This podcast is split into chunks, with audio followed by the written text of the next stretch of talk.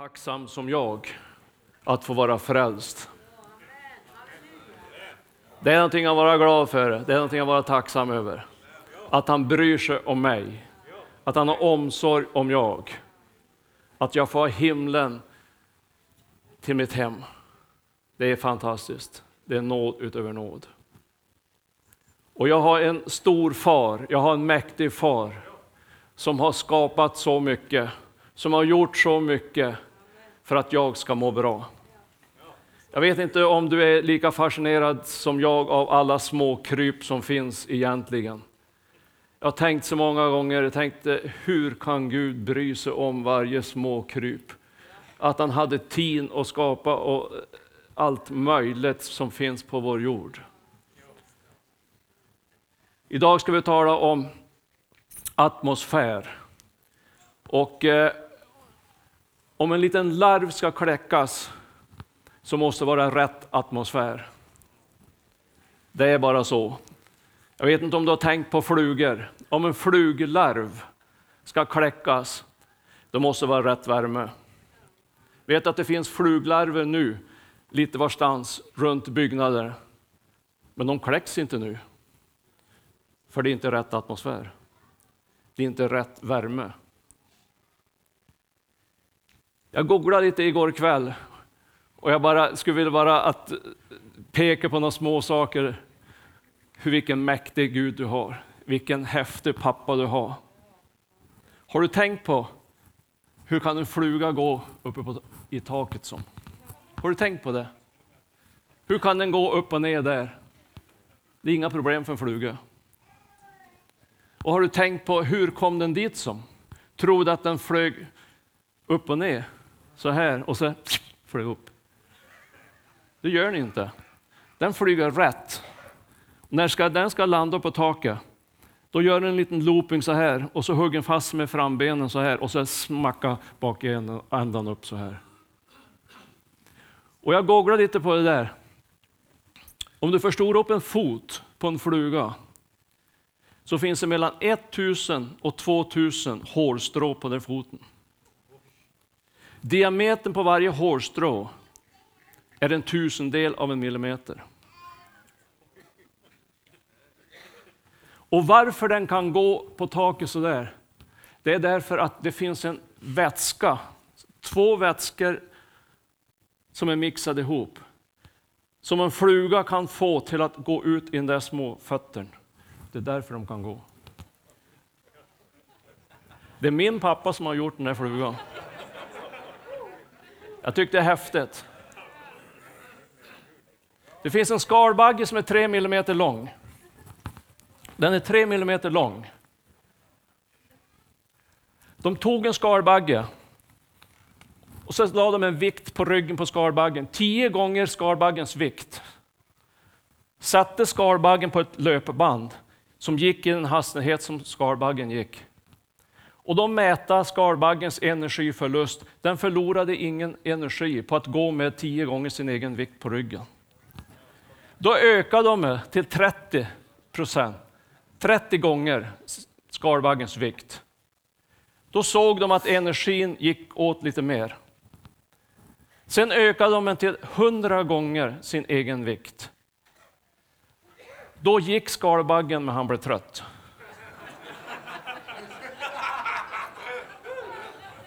Då tänkte jag så här. Du vet kanske hur, vilken vikt du har. Lägg någonting på axlarna. Bara tio gånger din egen vikt och försök att gå. Hur kunde Gud ha sån omsorg om den här lilla skalbaggen? Det är för att han vill visa han är allsmäktig. Han är stor. Han är mäktig. Han gör precis vad han vill. Finns inga begränsningar för Gud. Kan han göra ett hårstrå som en tusendels mindre än en millimeter, då kan han göra vad som helst. Tro inte för en sekund att han inte bryr sig om dig. Tro inte för en sekund att han har glömt dig. Tro inte att jag kan ingenting, jag duger inte till någonting, jag är totalt värdelös. Det händer ingenting där jag går fram. vet du att det är en lögn. Det är en lögn från den, vår fiende. Det är en lögn från den onde. Du är mer dyrbar för Jesus än vad du tror själv. När pastor Thomas sa att jag skulle tala någonting om atmosfär så tänkte jag så här, finns det någonting att säga om atmosfär? Vad ska jag säga? Det blev alldeles tomt. Vet du. Jag hade en plåtburk som är tom någon gång, så kände jag mig i huvudet. Totalt. Men jag sa ingenting, jag sa okej, okay, jag ska göra det. Så slog jag upp Bibeln och så hittade jag massa saker om atmosfär. En atmosfär är mycket viktigare än vad du tror själv. Det är viktigt för en fluglarv för att kläckas att det är rätt atmosfär. Men att förlösa Guds mirakler, att förlösa det som är omöjligt för människor, det behöver rätt atmosfär.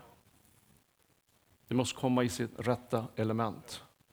Och det ser vi så många gånger i Bibeln, om vi bara tänker på det. Många gånger säger vi så här att Gud är allestädes närvaro, han är ju överallt, vi behöver inte be han komma. Det där är inte riktigt, riktigt sant. Så fort du öppnar munnen och tillber honom, då är han där. Det står att det är två eller tre tillsammans. Där är han mitt ibland oss. Det finns någonting som måste förlösas för att få uppleva Guds mirakler. För att få, se, få vara med om Guds atmosfär. En sak är lovsång, det sjöng nu. Den är så oerhört viktig. Men det finns fler saker. Gud är inte beroende av om det är en synagoga eller om det är på ett torg. Det är inte Gud beroende av att göra ett mirakel. Det ser vi i Markus 5. Vi ska hålla oss lite grann i Markus. I Markus 5. Då står det där att Jesus och lärjungarna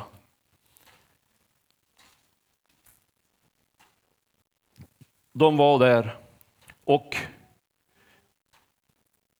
i Markus 5 så står det om Jairus dotter. Det står att synagogsföreståndaren kom till Jesus och sa Min dotter är dödligt sjuk. Du måste komma. Okej, okay, sa Jesus, det kan jag göra. På vägen dit så hände ett mirakel. Det var inget möte, det var inget bönemöte, det var ingen gudstjänst. Men det fanns en kvinna där som led av blodgång. Hon trängde sig fram bland alla och tog tag i Jesu hörntofs. Hon sa ingenting, bara tog tag i Jesus. Då hände miraklet. Hur kunde du göra det? Det var ingen som la händer på henne, det var ingen som bad för henne. Och efteråt sa Jesus, om jag märkte att det var någon som drog ifrån mig. Det var någon som drog kraft ifrån mig. Ibland måste du göra någonting för att få se ett mirakel. Ibland måste du ta tag i hörntofsen. Ibland måste du kanske vara lite aktiv. Jag tror när hon krigar sig fram bland folkhopen, det här ska jag bara ha tag i. Det här finns någonting. Det här är, ett, är en mirakelman, han ska jag bara ha tag i. Hon visste egentligen inte vem Jesus var, men hon visste att där han gick fram, där hände det någonting.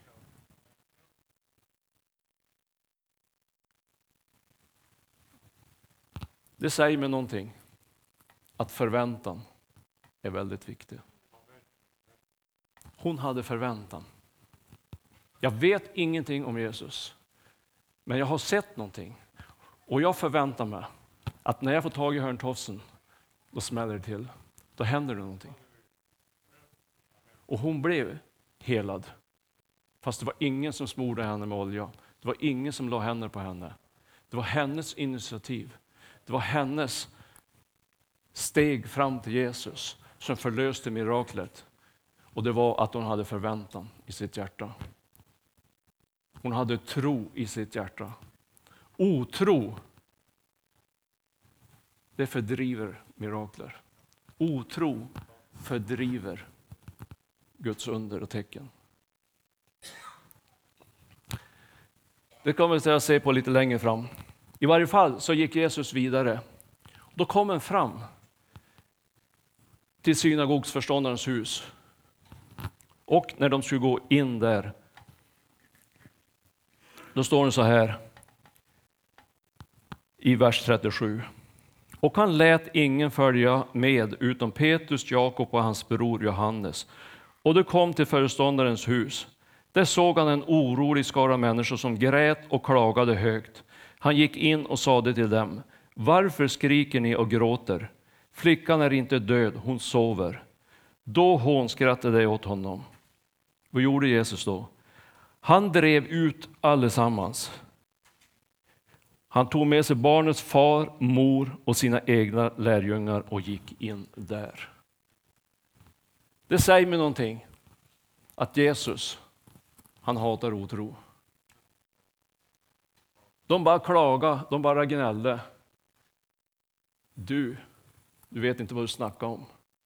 Hon är ju död. Det är ju därför vi gråter. Måste väl begripa att vi vet det där. Vi kan ju det. Hon är ju död.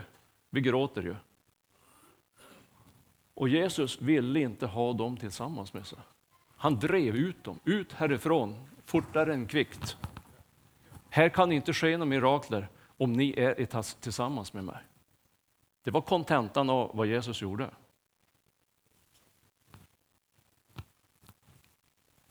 Och vi ska se lite längre fram i kapitel 6.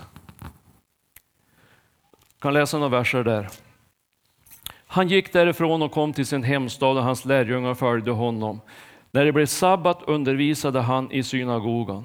Många som hörde honom häpnade och frågade, var, var får han detta ifrån och vad är det för visdom han har fått, så att han kan göra sådana mäktiga gärningar med sina händer?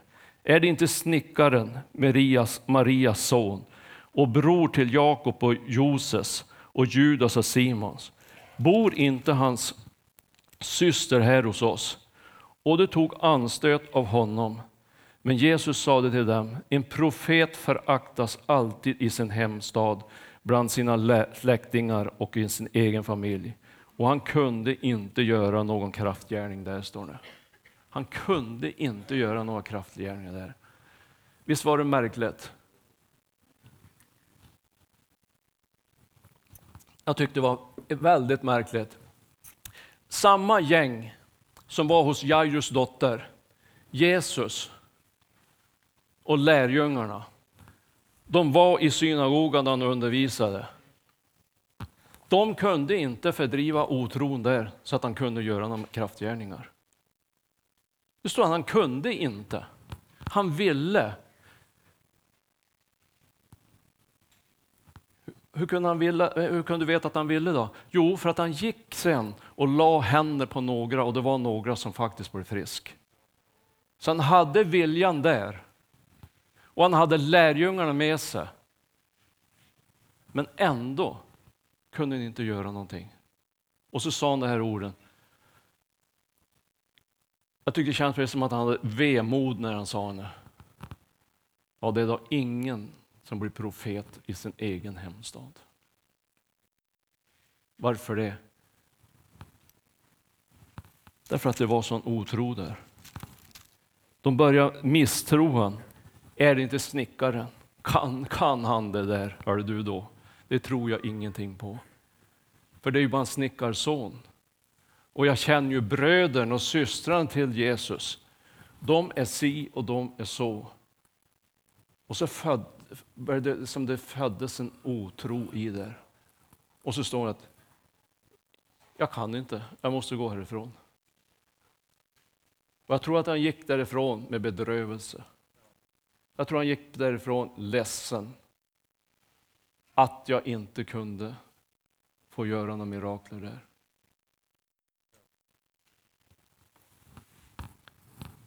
I samma kapitel ska du få se någonting annat. Då är det som jag brukar säga, då är det annat ljud i skällan.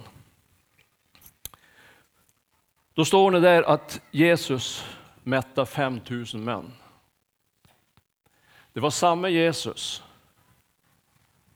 och det var samma lärjungar.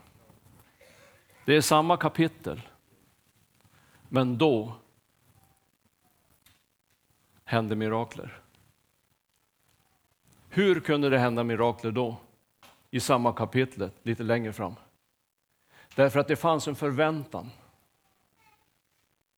Det fanns en ande av tro där. Hur kan du vara så säker på det? Jo, för det står att Jesus och lärjungarna, de hoppade i båten och Jesus sa, nu måste vi dra härifrån. Det är så mycket folk här och vi blir så trött. Vi måste försöka lugna, eh, få fara på ett lugn plats, vi måste få vila upp oss. De tog båten rakt över sjön. Vet du vad folket gjorde? De sprang runt sjön, men de hann före Jesus.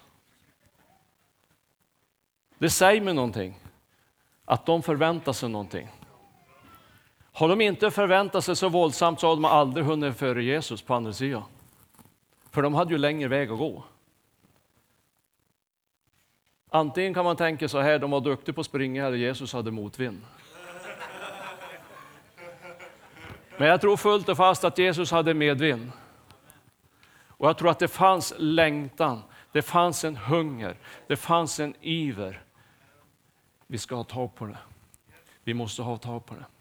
Och jag tror att det är den längtan, den ivern som du och jag måste be om.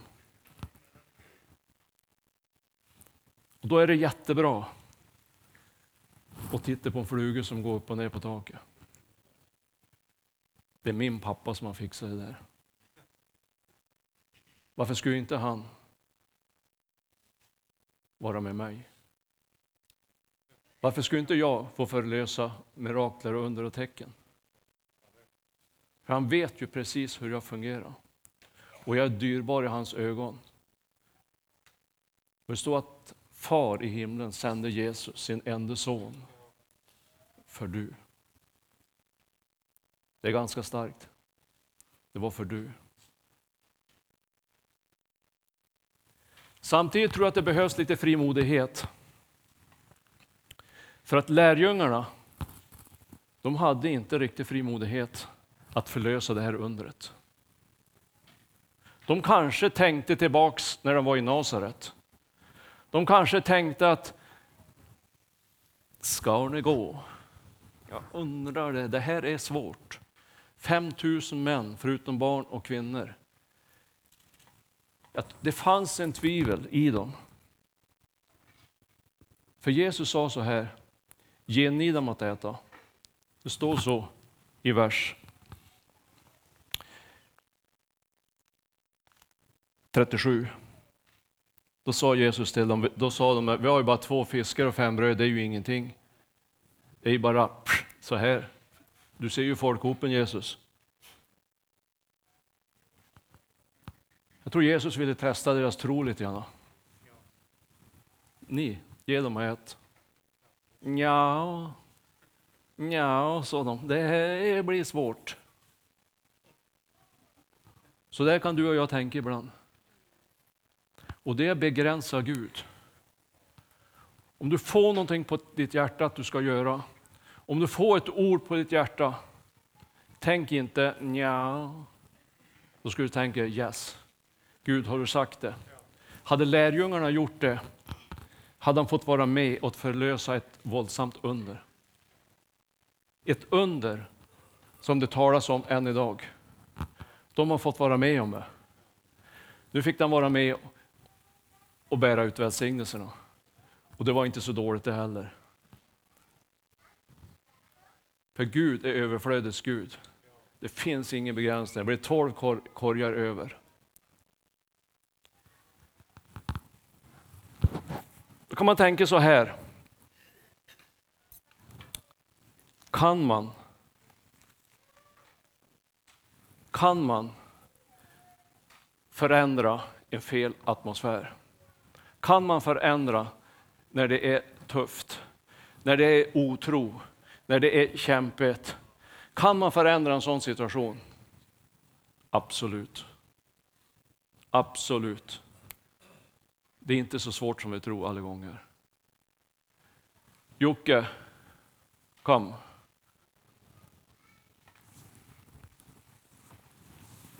jag undrade idag, jag sa Jocke, har du varit med om någonting?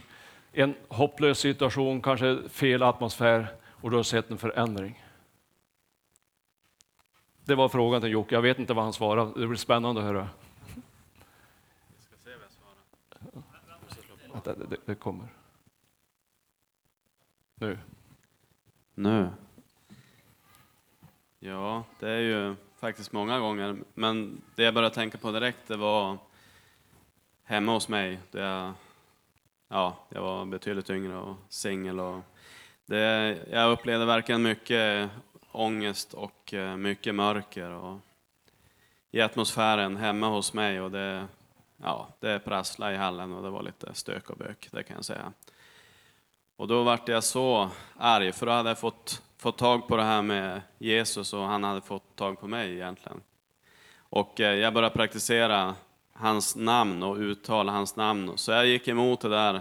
Jag var som en terrier. Jag bara skrek ut i Jesu namn så ber jag att det ska vara ett befriat område. Bara så enkelt. Mm. Och det förändrades i ett nafs. Amen. Just för det tillfället gick mm. det bara så snabbt. Amen. Och Guds närvaro kom. Gud, Guds docksta. Mm. Ja, så det, det fungerar. Mm. Ja. Vi ska aldrig förringa kraften i det uttalade ordet. Ibland tänker man ordet bara föll rakt ner. Men det gör inte det. Det finns en styrka i det.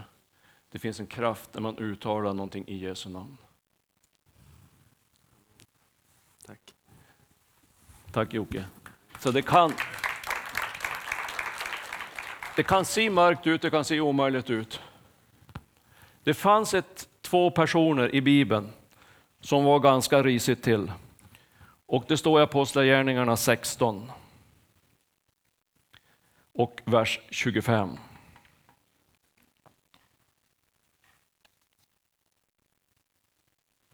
Vi kan, eh, vi, vi, kan läsa några verser innan. Det står så här att de blev, eh, de blev eh, slagna, Paulus och Silias. De fick många rapp och kastades i fängelse och fångvaktaren fick befallning att noga bevaka dem. När han hade fått en sådan befallning satte han dem i det innersta fängelserummet och spände fast deras fötter i stocken. De hamnade i en ganska destruktiv situation. De hamnade i ganska mycket mörker, hopplöshet. Och var det någon som hade det besvärligt så var det en Paulus Cecilias. Först blev du slagen, sen blev du satt längst in i fängelse. Och så blev du satt fast med fötterna, så du kan inte ens gå. Du kunde vifta med armarna, men du kunde inte göra något mer. Jag undrar hur de kände det ifrån början när de satt där. Jag undrar hur de tänkte att, Gud, hur långt borta är du egentligen? Hur långt borta är du egentligen? Det här är ju inte rättvist. Jag undrar om de har sagt, har du sagt det någon gång? Gud, det här är inte rättvist. Varför ska det här drabba mig? Varför är det så här motigt? Gud, det här är inte rättvist. Jag vet att mamma har lärt mig en sak. Det är fullt tillåtet att klaga på Gud. Hon har sagt det så många gånger. Man får klaga på Gud, sa Han tål höra nu. För han har en lösning på det. Han har en lösning på problemet. Och tänkte på en Paulus, jag undrar vad, han, vad det for in i huvudet på honom att han kommer att tänka på att det här går ju inte. Vi måste börja göra någonting. Jag undrar om de tittade upp i taket och såg en fluga. Tänkte de, en annan fluga. Har Gud omsorg om den, då har han omsorg om mig. Och de började att förändra atmosfären i fängelset. Steg för steg. Från början tror jag Paulus sa till Silas, kom igen. Det finns bara en väg ut. Det är att prisa Gud. Jag vill inte så. Det är inte läge att prisa Gud nu. Gud är så långt borta, så nej, det får du göra själv, jag gör det inte. Har han satt den här situationen, han har övergivit oss så våldsamt så att vi kom längst in och satt fast oss med fötterna. Nej, jag orkar inte. Jag orkar inte att prisa Gud. Jag har försökt allt, jag orkar inte läsa Bibeln, jag orkar ingenting egentligen. Det är som Paulus. Kom igen. Vi har ett andligt vapen. Vi kan förändra situationen. Vi kan börja be. Och när vi har bett ett tag, vad gör vi då? Då börjar vi prisa Gud. Då börjar vi lovsjunga Gud. Då börjar vi ära honom. Kungars kung och herrars herre. Och då finns ett ord som det står i den här versen. Plötsligt. Kom du inte ihåg någonting från den här predikan, någonting annat, så kom ihåg ordet plötsligt. Då du minst anar det, då du minst tror det, plötsligt så kom ett dån. De hade aldrig kunnat räkna ut det. De hade aldrig kunnat, jag tror aldrig en Silas har sagt åt en Paulus, helt tvärtom, att ja, bara vi ber riktigt hårt ska du se det börja åska. Du ska se det kommer en liten jordbävning. De hade inte en tanke på det. De hade bara en tanke. Prisa Gud. Upphöj honom. Kungars kung och herrars herre. Du är min frälsare. Du har ju räddat mig, du har ju bevarat mig till den här dagen. Om jag dör spelar ingen roll, jag går till himlen. Men jag är ju ditt barn. Det är ju det som är det viktigaste. Och jag tror att det var en väldig lovsångsgudstjänst i fängelse. Det är så lätt att tänka så här. Tänk vad andra säger om jag beter mig på det här viset. Tänk om jag står på torget och bara lyfter händerna och bara ropar Jesus, jag älskar dig.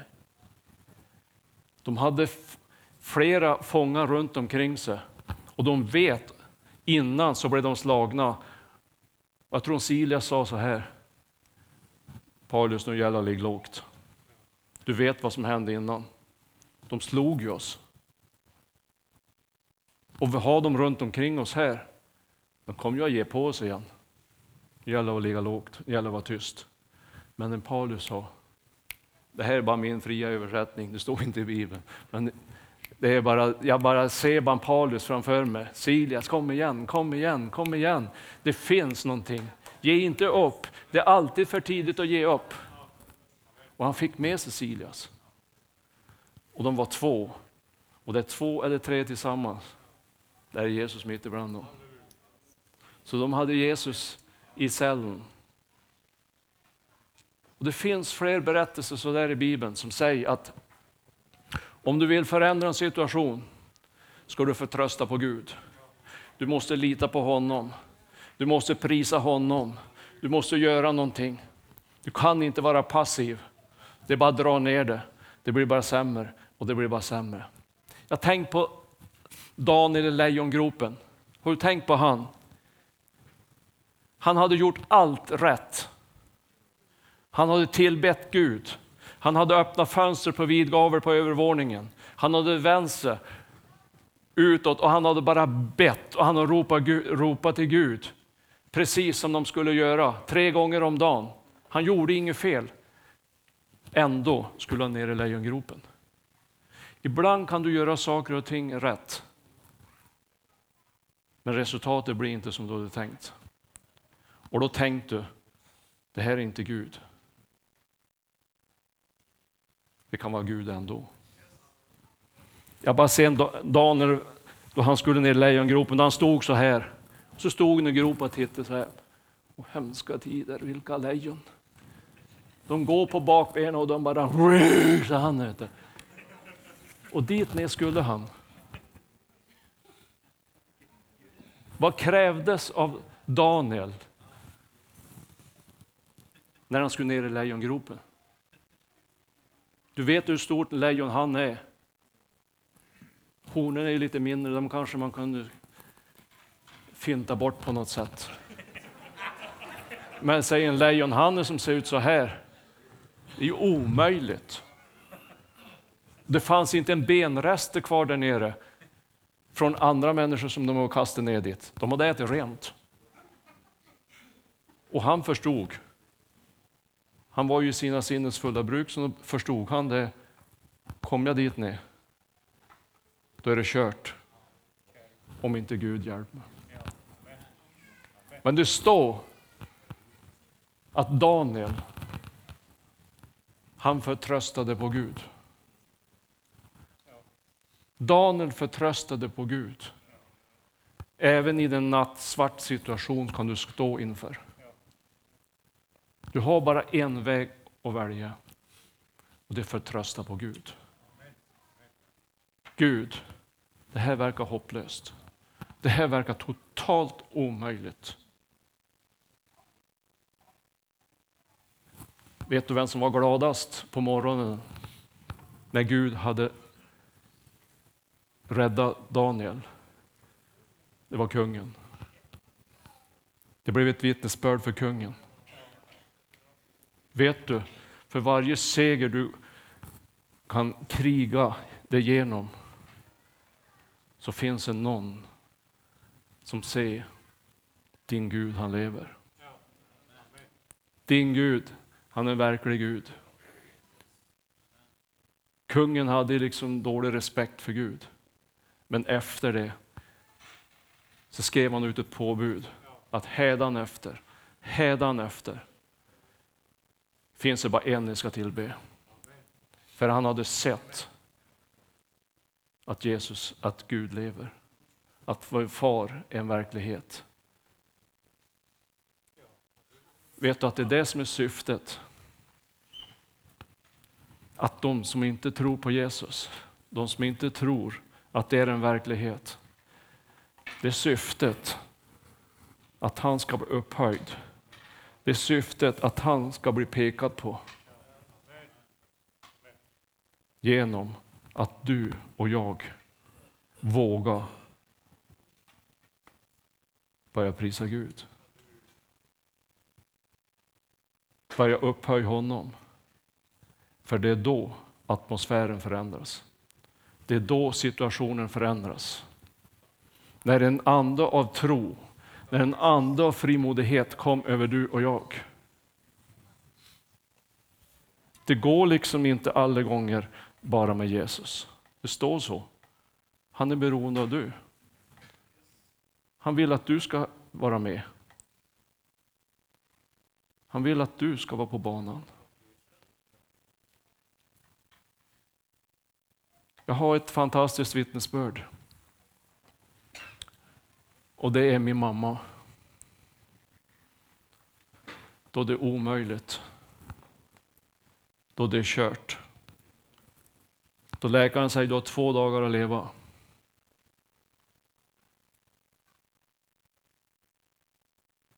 Men då har du en mamma som säger vi har bara en sak att göra. Det finns bara en sak att göra. Vi måste be. Vi måste förändra atmosfären i sjukhusrummet. Vi måste förändra det negativa budskapet som försöker att äta upp oss inifrån. Vi måste göra någonting. Vi måste börja prisa Gud. Vi måste börja hålla fast i hans löften. Och jag tror det är någonting för vår församling. Det är någonting för du och jag. Vi måste börja hålla fast. Vad säger Guds alla löften? Jag tror det här är ett år då vi ska smörja många med olja som är sjuka. Det här är ett år av mirakler. Det här är ett år då du och jag ska få vara med och förlösa mirakler. Vi ska inte stå som lärjungarna när Jesus säger åt dem, ge, ni kan ge dem att äta. Ja, vi vill inte. Vi kan inte. Vi har för lite tro. Det verkar så omöjligt. Det är alldeles för mycket folk. Om de kunde säga om det var 20 människor, men då det är 5000 och ändå mer. Då tog de ett steg tillbaks.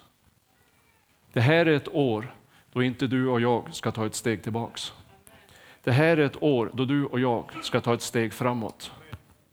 Det här är ett år då Gud ska göra mirakler i Övik. Jag tror nu av hela mitt hjärta. Jag tror nu för att jag har sett mirakler. Jag har sett hur Gud kan göra. Och varför ska inte det här få vara ett år När Gud gör mirakler som vi aldrig har sett förut. Det, hän, det, det hänger lite grann på du och jag. Vågar vi och gå på vattnet? Vågar vi att göra saker och ting som vi inte har gjort förut? Lärjungarna de hade aldrig mättat 5000 människor för två fiskar och fem bröd. De hade aldrig gjort det. Det finns saker och ting som du och jag skulle må bra av att göra som vi aldrig har gjort förut. Varför är det så viktigt då? Då måste du lita på Gud. Det finns bara ett du kan göra och det är lita på Gud.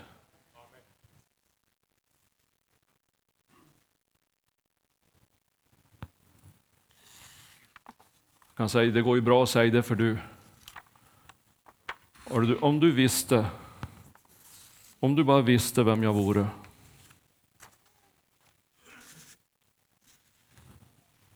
Vilken hare jag är egentligen. Vet du hur en hare fungerar? Om du är i närheten av en hare och han sitter under en buske och tryck och du gör så här så flyr han för livet. Det finns inget djur som är så rädd som en hare. Du kan till och med se en hare skaka. De är så till naturen. De är rädda allting, precis allting, runt omkring sig. Är det någon som ska anfalla mig? Är det någon som ska fly på mig? Någon som ska äta upp mig? Så är en hare. Jag är ganska stor hare, skulle du veta. Men jag har lärt mig en sak genom åren.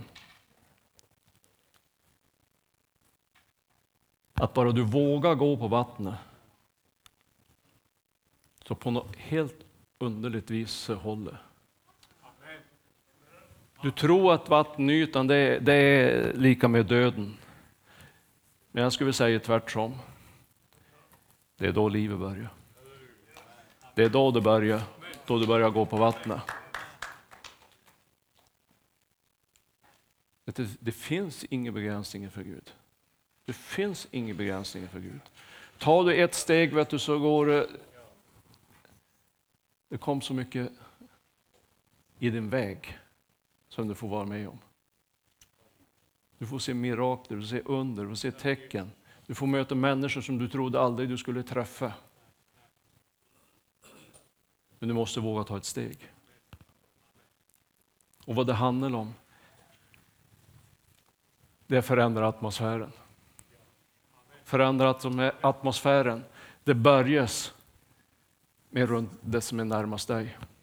Atmosfären, det är, det är luften, det är det som, det som omger dig. Atmosfären kan man inte ta på fysiskt, men du kan känna det väldigt andligt. Jag tror du har varit med om du har kommit in i ett rum där det varit iskallt, fast det var full värme där, det var fullt med folk där. Du har nästan kunnat ta en kniv och skära ut en iskub där och plocka ut liksom. Det var så kallt. Samtidigt kan du komma in i en, in i en ett, eh, atmosfär där det är få människor. De kanske inte ens har värmen på. Så är det ofta i Azerbajdzjan, så ofta är det i Georgien, så ofta är det i Albanien. Men ändå finns en atmosfär av tro. Det finns en atmosfär av tillbedjan. Det finns en atmosfär av förväntan. Gud, du är stor, du är mäktig. Du kan göra under, du kan göra tecken. Du kan göra saker som inte jag ens kan nämna i min mun. För du kan få en fluga att gå där uppe som har över tusen hårstrå på en fot. Gud är stor.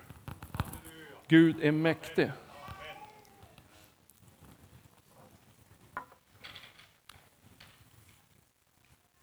Jag skulle vilja att vi fattar beslut idag. Beslut som har evighetsvärde. Och det är att jag vill förändra atmosfären där jag går fram. Och jag vill bara vara så ärlig så jag bara säger Gud, börja med mig själv. Gud, jag vill vara med och ändra atmosfären inom det här området. Och just nu så är jag ensam inom det här området.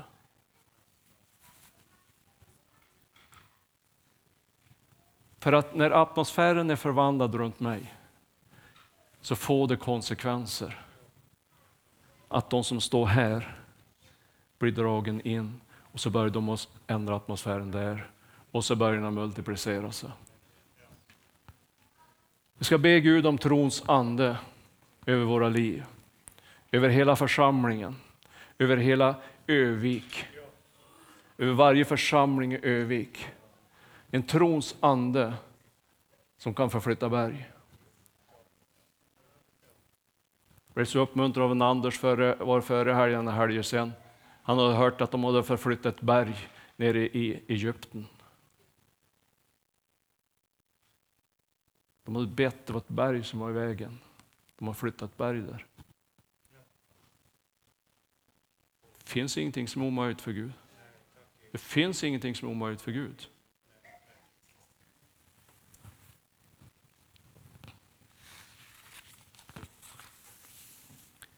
Vid midnatt var Paulus och Silas i bön och sjöng lovsånger till Gud. Och de andra fångarna lyssnade på dem. De hade fått med sig. De satt liksom inte likgiltiga. Fångarna började lyssna. Plötsligt kom ett kraftigt jordskalv så att fängelset skakade i sin grundvalar. Plötsligt, håll fast vid det ordet. Prisa Gud, upphöj honom gå på vattnet. Plötsligt så händer det. Plötsligt så kommer en jordbävning. Plötsligt skedde ett mirakel.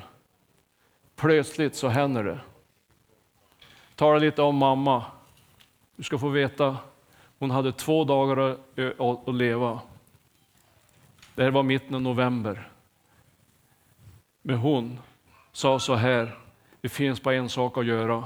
Vi måste ropa, vi måste be till Gud. Vi måste bara ändra atmosfären på sjukrummet.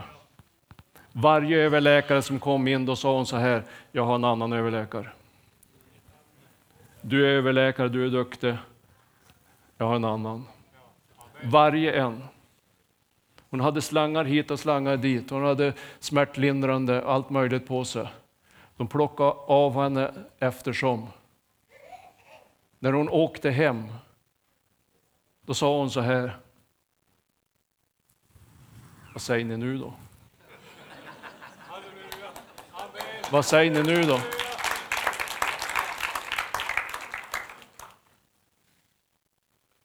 Var inte bara för dagen full av liv. Full av liv. Det bara spritt i benen på henne. Mycket piggare än att åka in på sjukhuset. Läkaren sa njurvärdena är i botten, hon hade cancer överallt. Du lever max två dagar, kanske tre. Det var mitten av november. Ingenting omöjligt för Gud. Men det börjas med att du och jag förändrar atmosfären.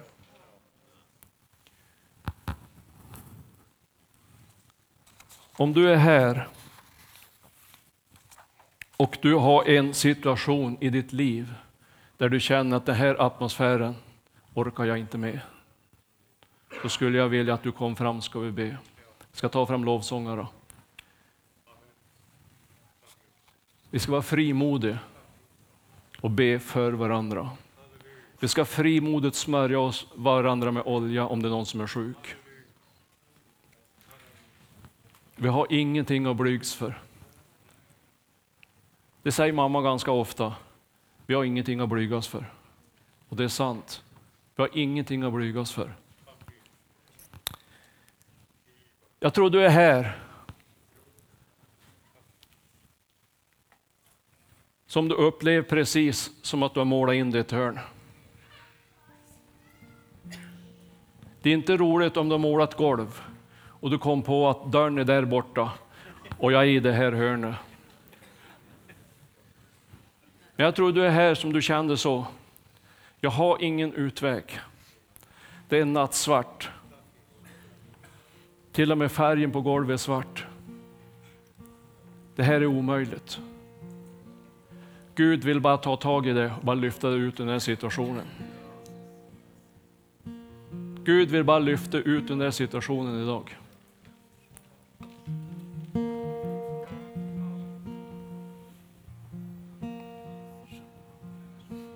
Jag vet att du är här, för vet att jag har sett det. Jag såg någonting i natt. Och jag vet att du är här. Du har någonting profetiskt över det. Du har gett många profetiska ord. Men jag bara hörde en röst som sa, det är dags för du att börja sjunga ut det profetiska. Och du har gått i de tankarna. Jag borde egentligen ha sjungit ut det här profetiskt, men du har inte vågat. Du har tagit steg tillbaks och du har inte haft den frimodigheten.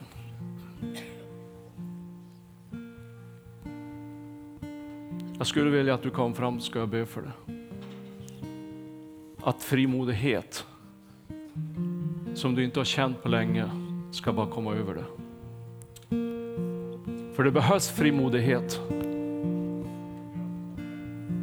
Att göra saker och ting för Gud. Det har jag lärt mig. Men det är värt. Det är värt att gå på vattnet.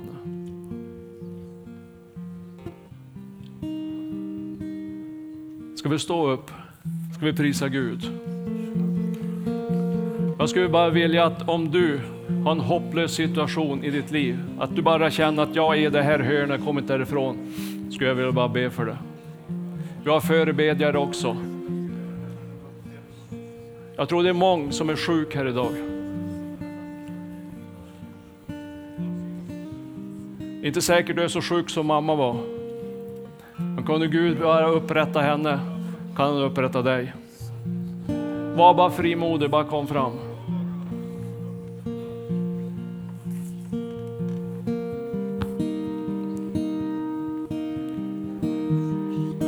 För Gud vill använda dig mycket mer än vad du tror själv.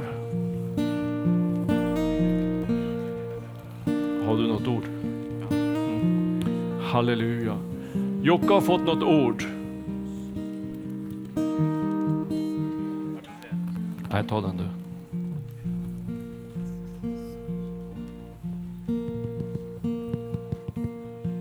Det är så man gör. Jag tror att du, att du är här eh, och nu vill jag vara bara lydig. Jag skulle vilja be att alla, om alla kan böja sitt huvud och, och, och blunda. Tack. Nu vill jag fråga er som har ont i nacken och axlarna vilka ni är och känns det rätt så lyft eran hand så jag får se er. Jag har bara sett hur Gud har visat mig några här. Amen. Tack Jesus. Ni kan ta, ta ner handen. Och är du här som har ont, ont i ditt hjärta, alltså inre smärta, jätte, jätteont, du är jätteplågad. Du behöver inte lyfta armen. Så är du varmt välkommen. Jesus han, han bara kallar dig till frihet och inre helande. Sen undrar jag hur, hur många som har ont i ryggen här idag. Och även ont i... Amen. Ni kan lyfta händerna, var frimodiga. Amen. Är det någon som har ont i höger knä här? Mm. Tack Jesus. Ja, har du ont i vänster så naturligtvis så kom fram. Halleluja. Var är du som sover otroligt dåligt, oförskämt dåligt på nätterna? Tre timmar max kanske, sen vaknar du. Är du här? Så lyft din hand. Tack Jesus. Tack Jesus. Mm. Laktosmage, är du här? Mot laktos, du kan inte dricka laktos. Ja, då, jag vill bara att du kommer fram så ska vi be för det. Han kommer att sträcka ut sin hand och hela er. Det tror vi på. Yes. Amen. Halleluja Jesus. Och har du eksem, kom fram. Ska vi se Guds under här idag. Amen. Halleluja. Halleluja Jesus. Så var frimodig och kom fram. Kanske du är här och du kanske har svalnat lite i relation med Jesus. Kanske du är inte lika frimodig som du var för en tid sedan. Kanske du har tagit steg bakåt och du önskar att jag skulle vara lika frimodig som jag var för ett antal år sedan. Kom fram, ska vi be om frimodighet. För att frimodighet har med sig stor lön och alla vill ha lön. Jag är intresserad av lön, du är intresserad av lön. Frimodighet har med sig stor lön. Vi ska be om frimodighet. I Jesu namn Fader. Nu ska vi prisa Gud och så ska vi bara be.